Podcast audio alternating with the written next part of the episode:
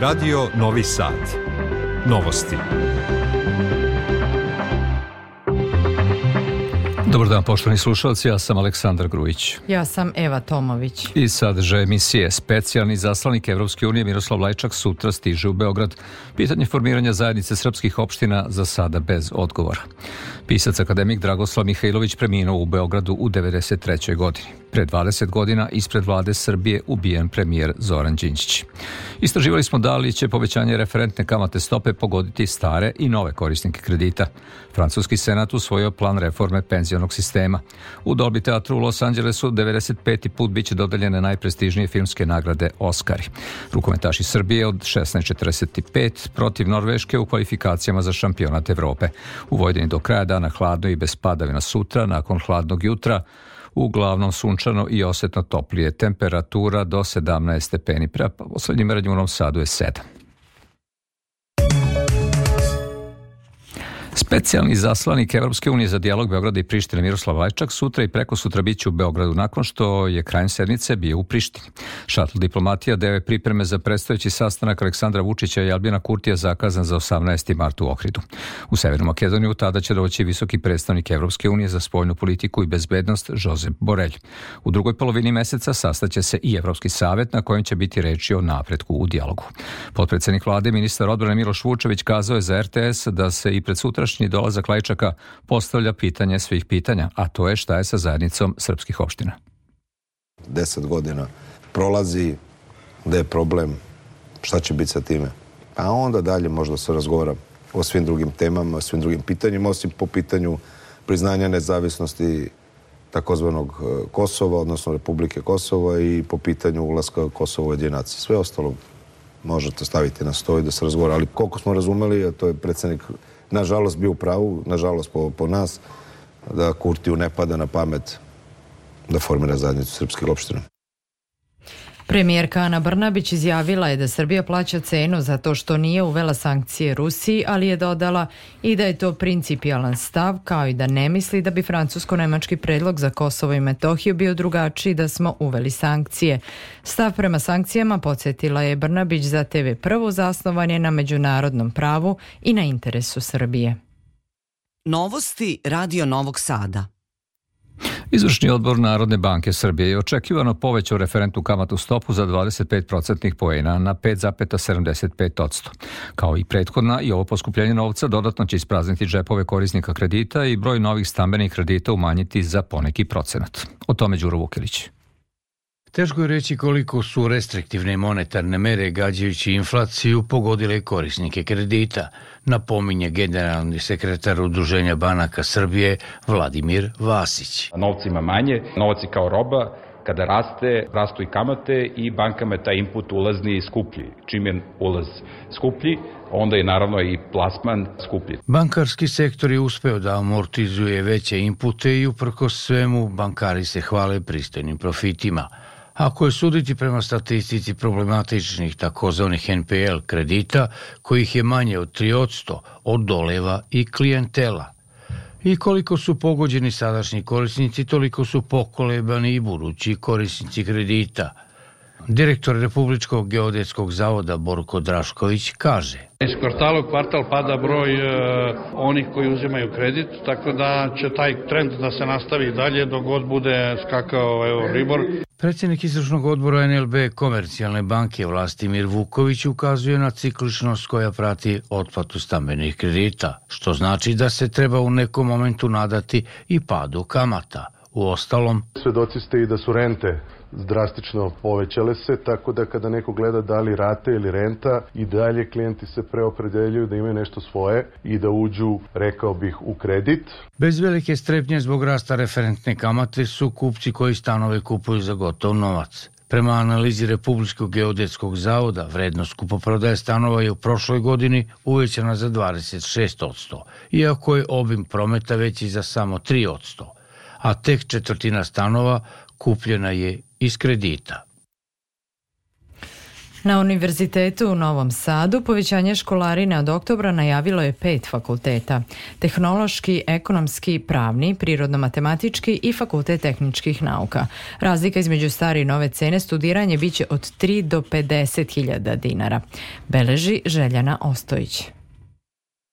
Iako se fakulteta poručuju da je povećanje školarine simbolično i nužno, studenti koji se školuju o sobstvenom trošku poručuju. Udar na budžet. Ja sam neko ko dolazi iz mesta u okolini Novog Sada, tako da sam prinuđen i da radim i da studiram. Najveće povećanje najavio je Prirodno-matematički fakultet, ali samo na pojedinim studijskim programima. Na smerovima računarske nauke, primenjena matematika i matematika, školarina je povećana za oko 40.000 dinara, a znatno je povećanje i za buduće biologe i ekologe. Predstavnici studentskog parlamenta i Saveza studenta prisustvovali su nastavno-naučno veću na kom je raspravljeno o tom pitanju, a potom i učestvovali u donošenju donošenju odluke, objašnjava dekanica PMF-a Milica Pavkov-Hrvojević. Na savetu gde se donosi konačna odluka o promenama školarina takođe je bilo pet predstavnika studenta, tako da su upoznati i zapravo nisu dali nikakve primetbe niti reagovali na ovo. Novi cenovnik će imati i tehnološki fakultet koji je i prošle godine podigao školarinu za 15.000 dinara, a od oktobra će povećanje biti za još 10.000 na osnovnim i 15.000 na master i doktorskim studijama studijama. Razlog je inflacija, ističe prodekan za nastavu tog fakulteta Marina Šćiban. S obzirom da kod nas imamo laboratorijske vežbe, da je poskupila struja i nismo mogli sad ignorisati to. Mi smo razgovarali sa predstavnicima studenta i njima je jasno da tako mora biti. Za buduće ekonomiste povećanje je od 12,5%, kaže dekan ekonomskog fakulteta Nebojša Gvozdenović, dodajući da je to prvo korigovanje visine školarine od 2010. godine. Na osnovnim studijama iznos školarine je bio 96.000 i diže se na 108. Svi smo svesni ovih ekonomskih kretanja, inflacije. Naši troškovi su ne 12,5%, nego su se duplirali od 2010. godine. Najmanje poskupljenje biće za pravnike, te će umesto 90.000 dinara naredna akademska godina biti skuplja za 3.000. Fakultet tehničkih nauka povećao visinu školarine za 50.000 dinara, ali samo na master studijama inženjerski menadžment. Pre 20 godina, 12. marta 2003. ispred zgrade vlade Srbije ubijen je premijer Srbije Zoran Đinđić. Nekoliko sati nakon ubistva premijera proglašeno je vanredno stanje u zemlji, a u policijskoj akciji Sablja uhapšen je atentator, bivši pomoćnik komandanta jedinice za specijalne operacije Zvezdan Jovanović, koji je osuđen na 40 godina zatvora, kao i bivši komandant crvenih beretki Milorad Ulemek, koji se predao početkom maja 2004. Uhapšena je i većina pripadnika zemunskog klana, dok su dvojica vođa te kriminalne grupe Dušan Spasović i Mila Luković Kum ubijeni u pokušaju hapšenja. Zoran Đinđić bio je jedan od osnivača demokratske stranke. Za gradonačelnika Beograda izabran je u februaru 1997. ispred koalicije Zajedno, bio je šef centralnog izbornog štaba DOSA za predsjedničke izbore održane 24. septembra 2000. nakon kojih su izbile masovno demonstracije zbog izborne krađe što je završeno 5. oktobra odlaskom Slobodana Miloševića sa vlasti. Za premijera Srbije izabran je 25. januara 2001. nakon pobede DOSA na republičkim parlamentarnim izborima. Za vreme njegovog mandata pokrenut je proces demokratizacije društva i korenitih ekonomskih i socijalnih reformi u Srbiji. Budite sigurni da ja neću nikada biti neko ko će igrati na razlikama. Mada znam da u ovoj zemlji se najviše glasova dobije ako kažete oni su nam krivi. Bilo na koju stranu. Moj problem je što kad kažem ljudima dajte da nešto uradimo, pitaju me a protiv koga? Amerike, Rusije, Kine, ja kažem ne, ni protiv koga. Mi nemamo protivnike, mi imamo partnere. Onda oni kažu mi to ne razumemo. Mi razumemo da nam kažeš, bate, ko je protiv nas, pa da mi vidimo šta da radimo. To je naš problem, da mi se lako ujedinjujemo protiv nekoga, a teško se ujedinjujemo za sebe. Ajde da kažemo, dajte da mi uradimo nešto za sebe, pa kad sve uradimo za sebe što možemo da uradimo, ajde onda da uradimo nešto protiv nekog drugoga. I taj trenutak neće nikada doći, jer uvek ćemo imati šta da uradimo za sebe. I vi ste mlad čovek, ja vam kažem, gledajte u budućnost. Gledajte u budućnost i tamo ćemo se sastati vi i ja. Pošto ja imam nameru da još živim u budućnosti. Predsednica vlade Ana Brbić položila je venac na zgradi vlade na mestu gde je ubijen Zoran Đinđić pre 20 godina. Polaganju venaca prisustvovali su ministri i ostali članovi vlade Srbije. U Beogradu je održana šetnja za Zorana od Vukovog spomenika do Novog groblja u kojoj su učestvovali predsednik Demokratske stranke Zoran Lutovac, bivši i sadašnji funkcioneri i članovi Demokratske stranke. Poštovaoci lika i dela Zorana Đinđića zapalili su sveće i položili cveće na njegov grob u aleji zaslužnih građana na Beogradskom novom groblju. Svet. Ukrajini žestoke borbe za Bahmut. Jedinice ruske privatne paravojne organizacije Wagner zauzimaju pozicije u industrijskoj zoni tog grada u Donjecku, dok ukrajinska komanda pokušava da spreči potpuno opkoljavanje Bahmuta i prebacuje nove jedinice u taj grad, izjavio je Andrej Maročko iz Narodne milicije samoproglašene Luganske narodne republike. Ukrajinski ministar spolnih poslova Dmitro Kuleba pozvao je nemačke vlasti da ubrzaju poveća i povećaju snabdevanje oružanih snaga Ukrajine municijom. Kuleba je istakao da je nedostatak municije problem broj 1 u ratu sa Rusijom. Nemačka je prošlog meseca predala Ukrajini još dva protivavionska topa Gepard i 6000 komada municije za njih. Gornji dom francuskog parlamenta usvojio je kontroverzni plan reformi penzionog sistema koji je predložio predsednik Francuske Emmanuel Macron. Nakon što je predlog usvojen u Senatu, predviđeno je da se o njemu izjasni komitet koji čine poslanici Donjeg i Gornjeg doma francuskog parlamenta, a zatim ponovo Senat i Nacionalna skupština. Macronov predlog reforme penzionog sistema izazvao je više nedeljne proteste širom Francuske, a demonstranti su izašli na dan glasanja, ali odziv je bio manji nego što se očekivalo. Jedna osoba je poginula u masovnom lančanom sudaru kod mesta Herceg Santo koji se dogodio juče popodne na autoputu M1 nedaleko od Budimpešte. U masovnom lančanom sudaru učestvovala su 43 vozila, a u bolnice je prevezeno 39 povređenih, od kojih 14 u teškom stanju. Među povređenima je desetoro dece, a četvoro je sa teškim telesnim povredama. Mađarsko preduzeće koje upravlja autoputevima je saopštilo da je do nesreće verovatno došlo zbog peščane oluje koja je smanjila vidljivost na tom delu puta. Predlog izmena i dopuna zakona kojima se zabranjuje pušenje u svim zatvorenim javnim prostorima u završnoj fazi potvrdilo je Ministarstvo zdravlja. Ugostitelji kažu da će ukoliko taj zakon bude usvojen tražiti rešenje kako da se njegova primjena ne odrazi negativno na poslovanje, ali i na zadovoljstvo gostiju. Pojedinosti Vesna Balta.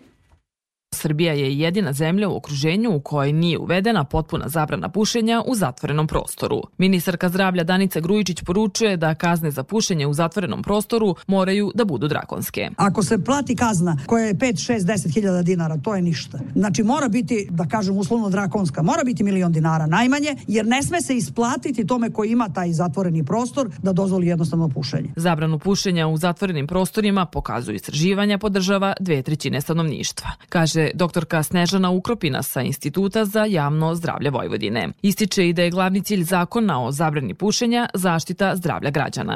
Pobjeda bi bilo kada bi se sve mere, znači svih tih osam mera kontrole duvana najvažnije i kada bi se slikovna upozorenja našla na dve trećine pakovanja svih duvanskih predmeta, znači kada bi se sve one primenile do najviših standarda i kada bi to društvo prihvatilo kao mere koje nisu usmerene na polarizaciju, nego i na dugoročno na spašavanje života. Uopšteno je mišljenje da će uvođenje potpune zabrane pušenja u zatvorenim prostorima najviše pogoditi ugostiteljski sektor. Ugostitelji će, zahvaljujući dolasku lepog vremena, imati prelazni period za prilagođavanje, smatra predsjednik Udruženja ugostitelja Novog Sada Milenko Mijić. Ajte da kažemo u Vojvodini i u Novom Sadu, da kažemo od marta, aprila pa sve tamo do oktobra, novembra ljudi provode vreme u baštama. Tako da to mislim da u tom periodu će biti i period prilagođavanja i da neće biti toliko teško u tom periodu. Ali opet kad dođe zima i hladno, ono će svakako biti teže, pa će ugostitelji morati da se snalaze i verovatno će ispred lokala u baštama da stavljaju možda pečurke, da stavljaju ona ćebadi i tako da, da izlaze u susret gostima. Mić se nada da nakon uvođenja potpune zabrane pušenja neće biti problema u poslovanju ugostiteljskih objekata uz ocenu da zabrana pušenja neće sprečiti ljude da se druže i idu u kafiće i restorane.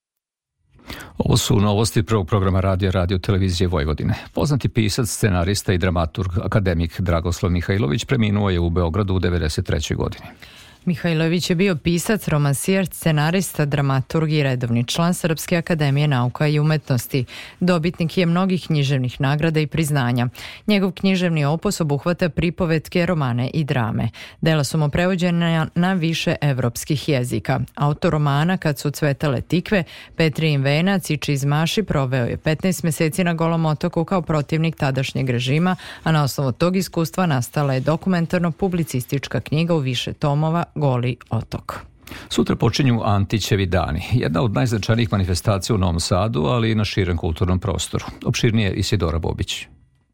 Ovogodišnji Antićevi dani obeleženi su sloganom Bluz garavih sokaka, podsjećajući na naslov jedne od čuvenih knjiga Miroslava Mike Antića. Program manifestacije će u skladu sa umetnikovom svestranošću sadržati gostovanja književnika u školama i vrtićima, pesničke večeri, izložbe vizualnih umetnika, školu tipografije i projekcije filmova, rekla je pomoćnica direktora Kulturnog centra Novog Sada, Sunčica Marković. Trudili smo se da tokom ovih osam dana, znači od 13. do 20. marta, programe prikažemo na raznim lokacijama širom grada, od kulturnog centra do svečane sale gradske kuće, po vrtićima, osnovnim školama, kao i kroz mrežu kulturnih stanica koje su nam ostale kao legat. U utorak u 12 časova nakon polaganja venaca na pesnikov grob u gradskoj kući biće upriličeno uručenje nagrade Miroslav Mika Antić koja se u okviru manifestacije tradicionalno dodeljuje za knjigu poezije na srpskom jeziku objavljenu prethodne godine. Ovogodišnji laureat laureat je pesnik Blagoje Baković sa zbirkom pesama Nije to moja voda, objavljenom u izdanju Srpske književne zadruge.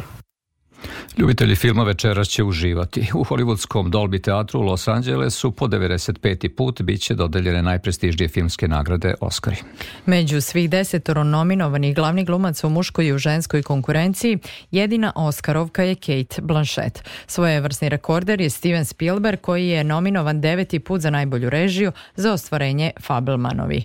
Najveći favorit je film Sve u isto vreme sa 11 nominacija u kojem je glavna glumica Michelle Yeoh Yeo, koja će ukoliko osvoji Oscara biti prva azijatkinja dobitnica te nagrade. I u novostima o sportu. U četvrtom kolu kvalifikacija za evropsko prvenstvo rukometaši Srbije gostuju Norveškoj. Utakmica počinje u 16 časova i 45 minuta, a ukoliko ostvari četvrtu pobedu, naša selekcija će se plasirati na šampionat Evrope koji će se sledeće godine održava u Nemačkoj. Vaterpolisti Srbije igraju protiv Španije meč četvrtog kola grupe B Svetskog kupa. Utakmica u Podgorici na programu je u 19 časova i 30 minuta. Na završno takmičenje koje se održava u Los Angelesu u junu plasirat će se prve tri selekcije iz grupe, a sa obzirom na stanje na tabeli pobeda bi Srbiji obezbedila put u Ameriku.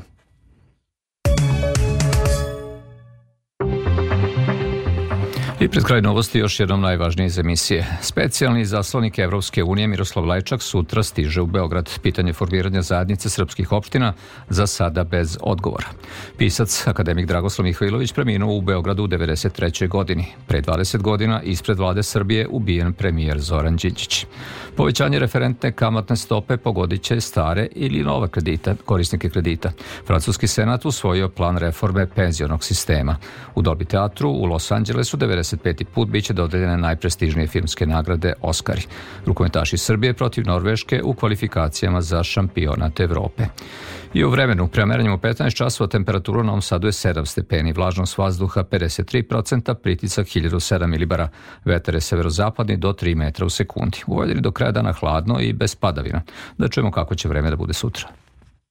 U Vojvodini u ponedeljak jutro hladno sa umerenim prizemnim i slabim razom na 2 metra visine. Tokom dana pretežno sunčano i osjetno toplije. Vetar slabi umeren južni i jugoistočni. Uveče u košarskom području povećanje. Najniža temperatura od minus 3 do 0, a najviše od 14 do 17 stepeni. Za Novi Sad, meteorolog Mijedrag Stojanović. Slušali ste novosti prvog programa radija javne medijske ustanove Vojvodine. Sve informacije pronađite na našoj internet stranici na adresi rtv.rs gde novosti možete da čujete i odloženo. Pratite nas i na društvenim mrežama. Tonska realizacija Slavica Filipović, Aleksandar Grujić i Eva Tomović žele vam prijatan ostatak dana. Ostanite uz Radio Novi Sad u 15 časova i 30 minuta počinje emisija o sportu, sport i razonoda koju priprema Bojan Sapanjoš.